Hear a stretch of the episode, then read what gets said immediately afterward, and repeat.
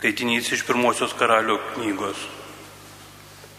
Anomis dienomis Elijas atėjo prie Dievo kalno Horebo ir įlindęs į olą joje praleido naktį. Tada jį pasiekė viešpati žodis. Išeik laukan, jis pašaukė, ir stovėk ant kalno prieš viešpatį, nes viešpas praeis. Pūtė didelis vėjas, jis buvo toks stiprus, kad skaldė kalnus ir trupino į gabalus uolas prieš viešpatį. Bet viešpatės nebuvo vėjyje. Po vėjo žemės drebėjimas, bet viešpatės nebuvo žemės drebėjime. Po žemės drebėjimo ugnis, bet viešpatės nebuvo ugnyje. O po ugnies švelnios tylos balsas.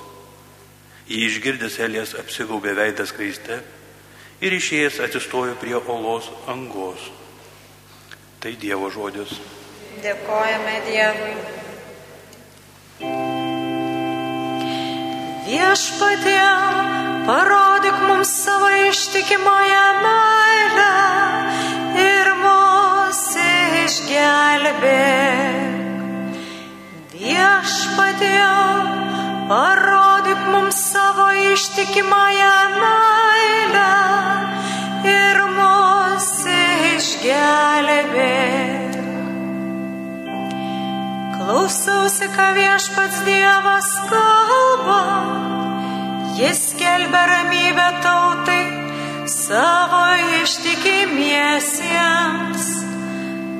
Iš tikrųjų, ar tai yra išgelbėjimas visiems, kurie pagarbėjo bijo, kad jo garbė mūsų krašte pasiliktų. Viešpatie, parodyk mums savo ištikimąją meilę ir mūsų išgelbėk. Susitiks tiesa ir ištikimoji meilė, bučiuosis ramybė ir teisumas, žels teisybė iš žemės žvelgs iš dangaus Dievo teisumas. Viešpatie, parodyk mums savo ištikimąją meilę ir mūsų išgelbėk. Tikrai viešpats suteiks kas gera ir mūsų žemė duos gausų derlių žengsiu priekyje teisumas, nutiesdamas taką jo, jo žingsniams. Viešpatie, parodyk mums savo ištikimąją meilę ir mūsų išgelbėk.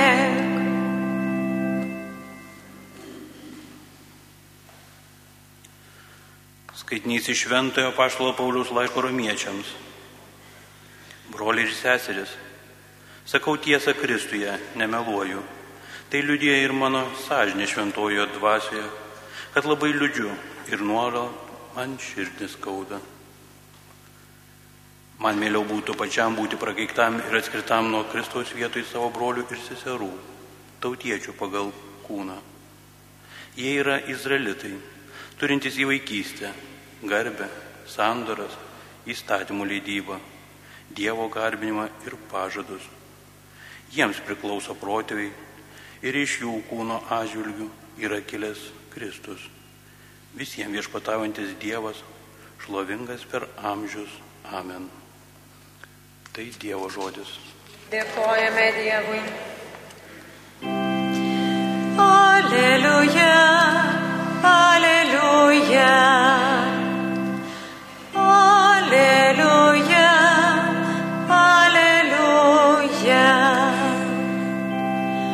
Aš laukiu viešpaties pagalbos ir jo žodžiu pasikliauju. Aleliuja, aleliuja.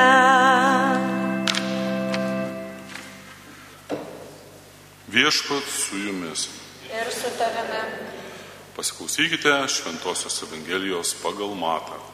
Garbė tau viešpatė.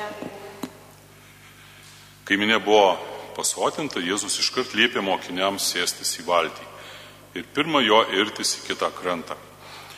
Kol jis atleisęs minę, atleidęs minę, jis užkopė nušaliai į kalną melstis. Ir atėjus vakarų jis buvo ten vienas. Tų tarpu valtis jau toli toli nuplaukė nuo kranto blaškomo bangų, nes pūtė priešingas vėjas. Ketvirtos nakties sargybos metu Jėzus atėjo pas juos žengdamas ežero paviršiumi. Pamatė jį einant į ežero paviršiumi, mokiniai nusigando ir manydami, jog tai šmėkla, iš baimės ėmė šaukti.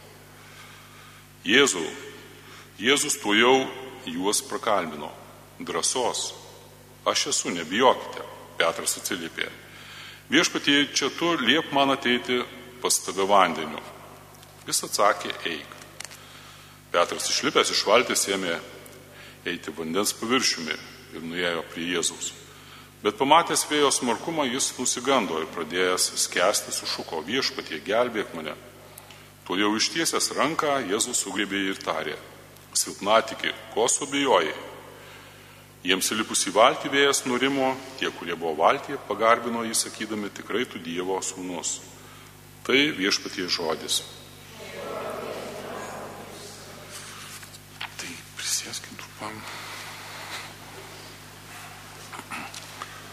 šventasis mišes mes pirmiausia pradėjome ruoždamiesi adoracijai. Susirinkome, kad tyloje, apmąstymuose pažvelgtume į savo širdį, įsiklausytume į giesmes, į viešpaties žodžius, tam, kad pasiruoštume. Adoracija buvo tam, kad pasiruoštume tam susitikimui su viešpačiu, kurį turėsime, kada priimsime pirmą, priimsime į savo širdį komuniją. Pirmajame skaitinėje girdėjome, kaip Elijas ruošiasi savo adoracijai. Jis įlipa į kalną Gorebo, įlenda į Olą ir praleidžia naktį. Tada praėjo vėtra, praėjo audra, vėjas, tačiau viešpaties ten nebuvo. Tik tada, kai sušlamėjo lengvas švelnus vėjelis, Elijas išgirdo viešpaties balsą.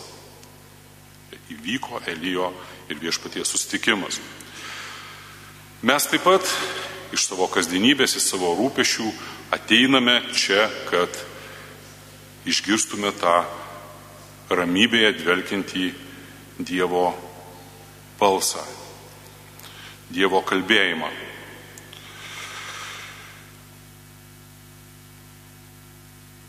Kai įvyksta susitikimas, mes Evangelijose dažnai skait, skaitome, kad aklieji praregi, kurtieji pradeda girdėti, raupsuotieji pasveiksta ir šiandien girdėjom, kaip Petras, išgirdęs viešpatį, pradeda eiti vandeniu. Taigi bet koks susitikimas su Jėzumi, su viešpačiu visada keičia žmogaus gyvenimą. Ko reikia, kad įvyktų tas susitikimas?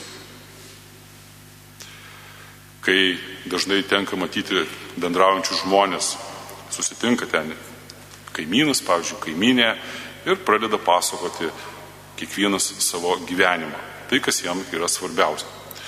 Ir jeigu paklaustai tų žmonių, ką tas kaimynas sakė, kitas kaimynas, dažnai niekas neatsakytų. Nes žmogus dažniausiai galvoja pirmiausia tai, kas jam svarbiausia, tai, ką jis nori išsakyti, išsikalbėti. Ar tarp tokių žmonių įvyksta sustikimas? Ne. Vyksta įsikalbėjimas. Ko reikia, kad įvyktų tas sustikimas? Reikia ne tik tai kalbėti, bet reikia susikalbėti.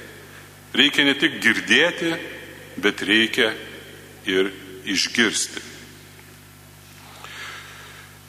Dievas kviečia ir žmogus išgirsta. Tačiau net ir bažnyčioje kartais mes matome, žmonės būna paskendę savo rūpešiuose. Prieš savaitę viena moteris klausė kitos moters, man teko girdėti, sako, klausykite, ką kalbėjo kunigas per pamokslą.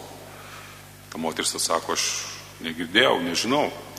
Aišku, kad jos rūpešiai, galbūt jos skausmai kokie nors, gal lygos, ją buvo nunešę kažkur toli. Fiziškai jinai buvo bažnyčioje, tačiau dvasiškai ji negirdėjo. Ar Dievas gali tokio žmogaus gyvenime kažką nuveikti? Ne, nes tarp jų neįvyksta tas susitikimas. Yra toks pasakymas, kad velnės veikia detalėse. Net ir mažose detalėse Dievo velnės gali žmogų gundyti. Taip pat yra pasakymas, kad ir Dievas veikia net ir mažuose dalykuose. Kada kalidojau žmonės, viena moteris pasakojo savo istoriją, sako, klebonė, tikrai Dievas yra. Žinot, moteris tikinti, jau garbingo amžiaus ir ji tokiom plačiom akim tarsi patvirtina, Dievas tikrai yra. Kas atsitiko, sakau, kad jūs taip užtikrintai prisilietėt prie viešpaties. Sako moteris, miegu, vidury nakties girdžiu skambutį. Skambutį, sako, aš pašoku, paimu telefoną, o telefonai dažniausiai žmonės turi knopkiniai tie telefonai, paspaudžiu bet kokią knopkutę, o ten paspaudė skambutį, kad skambytų ir kito, kitoje pusėje atsilipė jos sūnus. O sūnus kaip tik visada telefoną, sako, palikdavau krautis pirmame aukšte, bet šį kartą kaip tyčia nusinešiau į antrą aukštą. Ir sūnus girdi, kad mama kalba ir jos balsas pradeda trūkinėti. Suprato, kad kažkas atsitiko, jis iškviečia greitai vidurį nakties ir mamai tuo metu įvyko insultas. Bet laikus spė, spėjo moteriai padėti ir tos pasiekmes insulto buvo nedidelės. Taigi tas nedidelis atrodo įvykis, skambutis, mums tai toks juokinga gali būti, o tai moteriai buvo tikras Dievo prisilietimas, tikras Dievo pirštas. Jai išgelbėjo gyvybę. Nors aišku, vėliau žiūrėjo ir niekas ten neskambino. Kada prasidėjo karas, ne, prieš metus, dabar mes kažkaip tai apsipratome, taip, žinot, net ir matydami kančią žmonių, apsiprantame ir tai negerai, kad apsiprasti yra, bet prieš metus, kada buvo viskas ant karšto, žmonės taip griežtai taip sakydavo, tai kur tavo Dievas? Kodėl Dievas leidžia, kodėl Dievas nekeičia? Jeigu Dievas sukūrė pasaulį, Dievas pakeis gali žmogų, bet kodėl Dievas nepakeičia tos blogo žmogaus, kuris žudo, kuris naikina, kuris kažką daro. Iš tikrųjų, kas yra karas? Karas tai yra priešingybė Dievui. Dievas yra meilė, o karas meilės nebuvimas. Tie, kurie neįsileidžia Dievo į savo širdį, Dievas jų negali pakeisti. Meilė nepaliečia žmogaus, nes būna uždarytos jam durys. Ir tai nebūtinai vyksta tarp valstybių, tai gali būti net tarp pačių artimiausių žmonių. Pavyzdžiui, dažniausiai sakoma, kad teismuose daugiausia bylų yra tarp brolių ir seserų. Žinot, dėl turto, dėl kažkokių kitokių dalykų. Ir pačiam teko matyti, kai šalia vienas kito gyvena broliai, bet jie ištisus metus nesusitinka. Tarp jų yra šaltukas, tarp jų yra ledas. Ir aišku, tokių žmonių dažniausiai bažnyčioje nesutinku.